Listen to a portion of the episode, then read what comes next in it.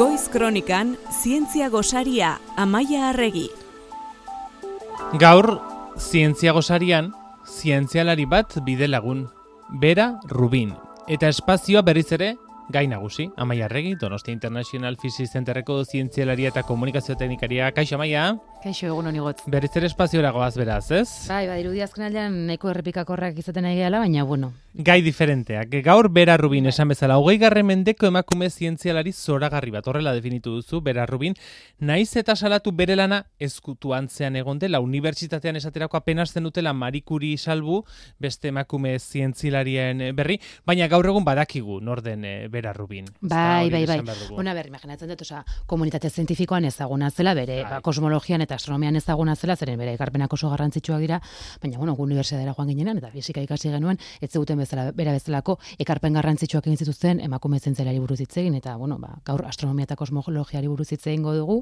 Batzutan pentsatzen jo, ba, ze pena ez ezkego dela holako personaiak e, erakutsi unibertsitatean. Bera Rubin, astronomo amerikarra, has gaitezen hasieratik, aurzenetik, txiki txikitatik egontzen, gora begira? Bai, hori da, txikitatik erakutsi zuen astronomiarekiko interesa handia, gaina nola bokazio zientifikoen inguruan beti ari geran, ba, bueno, sustatu nahian, eta, bai, astronomen artean askotan gertatzen den zeo zer da, nik ikusi den nire inguruan hori, askok txikitati daukaten zeo zer da. E, ba, berak, ba, aizparekin konpartitzen zuen gela, marra imaginario bat zeukan gela erditi banatzeko, eta iparralderan zuzendutako leio handia oso osori beretzat gauetan zeruaren beaketarako. Ezin zuen argia piztu, bere oharrak kuadernoan apuntatzeko, zen bestela bere aizpa esantuko zen, eta ikusitakoa memorizatu eta horrengo egunean marrazten zuen. Ba, aurorak eta planeten erraketak ikusi zituen eta liburetegitik ja astronomia liburuak eta hartzen hasi izan eta gainera aukera e, edukitzen zuen gurasoen lagun batzuekin Virginiara joateko izarra begiratzea beaketara. Beraita ingenieria zen eta bere laguntzarekin ja bi pulgadako diametroa zuen teleskopio bat ere zuen, ba 11 12 urterekin eta e, ba, horrek ba eskolako garaia erakargarriago e, egin egin zion. Gainera ba izarrei argazkiak ateratzen hasi zen, osea, ja astronomo amateur amateur bat zan, eta gaina ja, klub batean. Ja, astronoma amoterra eta eta zaletasun erabatekoa, ezta. Bai, oso garbi zeuka. Amala urtetan utzi dugu, baina unibertsitatera joan zen, eta zer esana polemika eragintzen proposamen bat ere egin zuen. Bai, lehen da bizi emakumeentzako basa unibertsitatera joan zen Nova Yorken, eta lizentziatu ondoren ezkondu dintzen eta kornerera joan zen. Eta han, garaiko zintzelari handi batzuk ere e, irakasle izan zituen, hoien artean Richard Feynman bere irakasle izan zen, eta neko gartu egon beraren gandik. Ikasketen amaierako master tesian, lan bitxi eta usarta aurkeztu zuen. E, premisa, e, Nature aldizkarian George Gamouk argitaratutako artikulu espekulatibo bat izan zitekeen e, artikulu honek Rotating Universe izena zuen, hau da, biraka dabilen unibertsoa, galdera ikurrarekin berak etzekien hala ere e, gamu bakarrik zegoela gai honetan. Hau da, proposatzen zuena da, zientzelari honek gamuek proposatzen zuena da. Neiko bazterreko azela. Horia, ea unibersoa biraka egon ziteken. Hau da, puntu, badakigu puntu batetik ez egin, edo hori uste dugu, bai. big puntu batetik ez egin, eta zabaltzen hasi zela, eta zabaltzea zain, ea ez ote zen bira, biratzen ari aldi berean. E, eta badiru artikulu hortan jaberak esaten zule, agian fantasia hutsa izan zitekela. Baina, bueno, berari oso gai interesgarra irutizitzaion, eta bere master tesen erabili zuen gai hau. Eta horren inguruan, ba, bueno, e, egun galastiaren datok bildu zituen, horrik enduzien, ba, e, zabalkundari dagokion abiaduraren ekarpena, eta e, ikusi zuena izan zen, ba, galaxia espiralek azkarago bideatzen zutela alde baterantz besterantz baino. Eta bueno, e, lortutako emaitza horiek aurkeztu zituen esan behar dago, ba hori, master tesi bat zela. Bere lehen ikerketa Bai. lantxoa bere ikasketak amaitu ali izateko. Baina, bueno, zegarretu zen, ba, kristoen egurra eman ziotela, bere emaitza kongresu baten aurkeztu eta ba, ia hotez mespretsatu zituzten.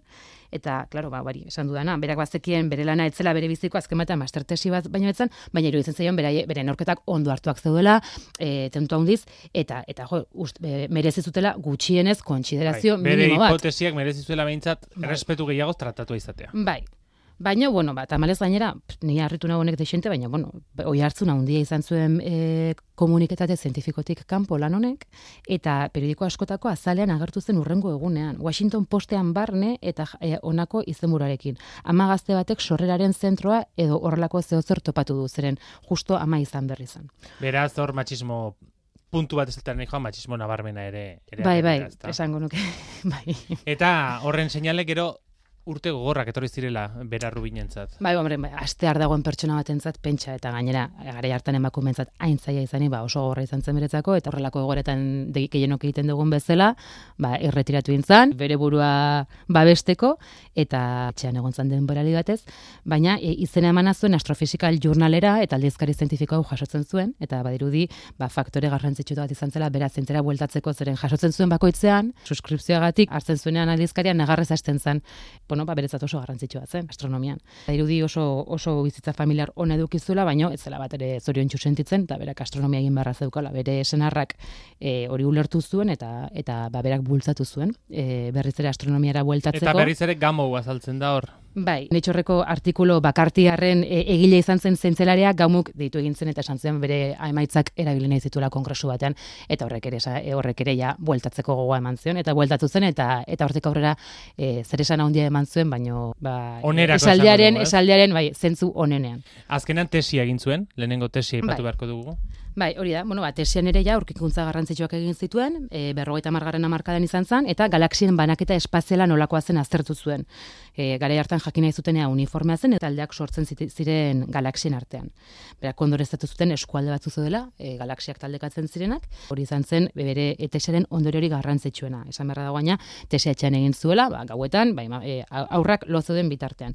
Eta, bueno, ba, bukatu zuenan, ez zuen oi hartzen ondorik eduki, zere momentu hortan etzen modan zegoen gai bat, baina hortik hortiko goi urtera, datu eta ordenagailu potenteagoak garatu zirenean, orduan bai interesa piztu zen gai hortan, eta berak arrazoia zeukan, eta eta bera datuak erabiliak izan ziren e, hogei urte beran dago, oza, itzindari izan zen gai horren e, ikerketan. Baina bera rubin bereziki materia ilunarekin eh, lotzen da maia, beraz, Hombre, hori da bere aurkikuntzarik garrantzitsuena, eta horri bukarera kutzi dugu, ze piskat historia kontatu nahi nun.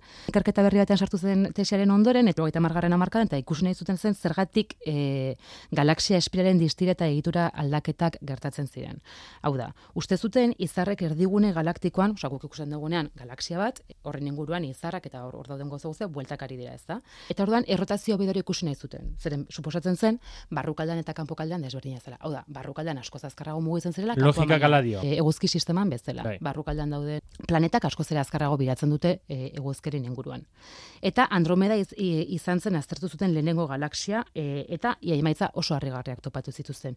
Ikusi zuten izan zen kanpokaldeko izarrek gravitatearen eraginez mantxoago mugitu beharrean abiodera konstante mantentzen zutela erdigunetik eurrunduala eta eta ia eta kasu batzutan gaina azkarrago biltzen zirela. Claro, hau Newtonen legaren kontra dijoan zeo zer da. Hasiera batean pintzatu zuten Andromedaren anomalia bat izango zela. Galaxia jakin horrena. Hori da. Eta orduan, ba, beste irurogai galaxia espiral aztertu zituzten ikusteko ea propietario teori e, mantentzen zen. Eta ikusi zuten baietz. Hau da, bazirudien, masa ikustezin bat zegoela, gravitatearen eragina basuagoa konpentsatzen zuen. E, galaxiaren kanpokaldean. Eta bere masaia amar aldiz handiagoa zen neri iritsi zait, ezakit hau egia dan, baino garaia hartan mundu guztiak galaxiaren e, erdigunea aztertu nahi zuela, eta orduan berak zuen, bueno, ba, nik kanpokaldea aztertuko. eta hortik etorri zen, materia ilunaren e, aurkikuntza. Klaro, hogeita margarren amarkadan ja, hipotesi hori e, existitzen zen hau da. Ja, Fritz e, Zukik e, proposatu zuen e, unibertsoko masa ikustezin baten existentzia egon behar zela. Zeren ikusi zuten, bueno, ba, koma izan kumulo batean, azkarregi mugitzen zirela galaxiak e, mugitzerakoan e, erakarpen indar E, extra bat egon gabe bere forma ez galtzeko moduan hau da.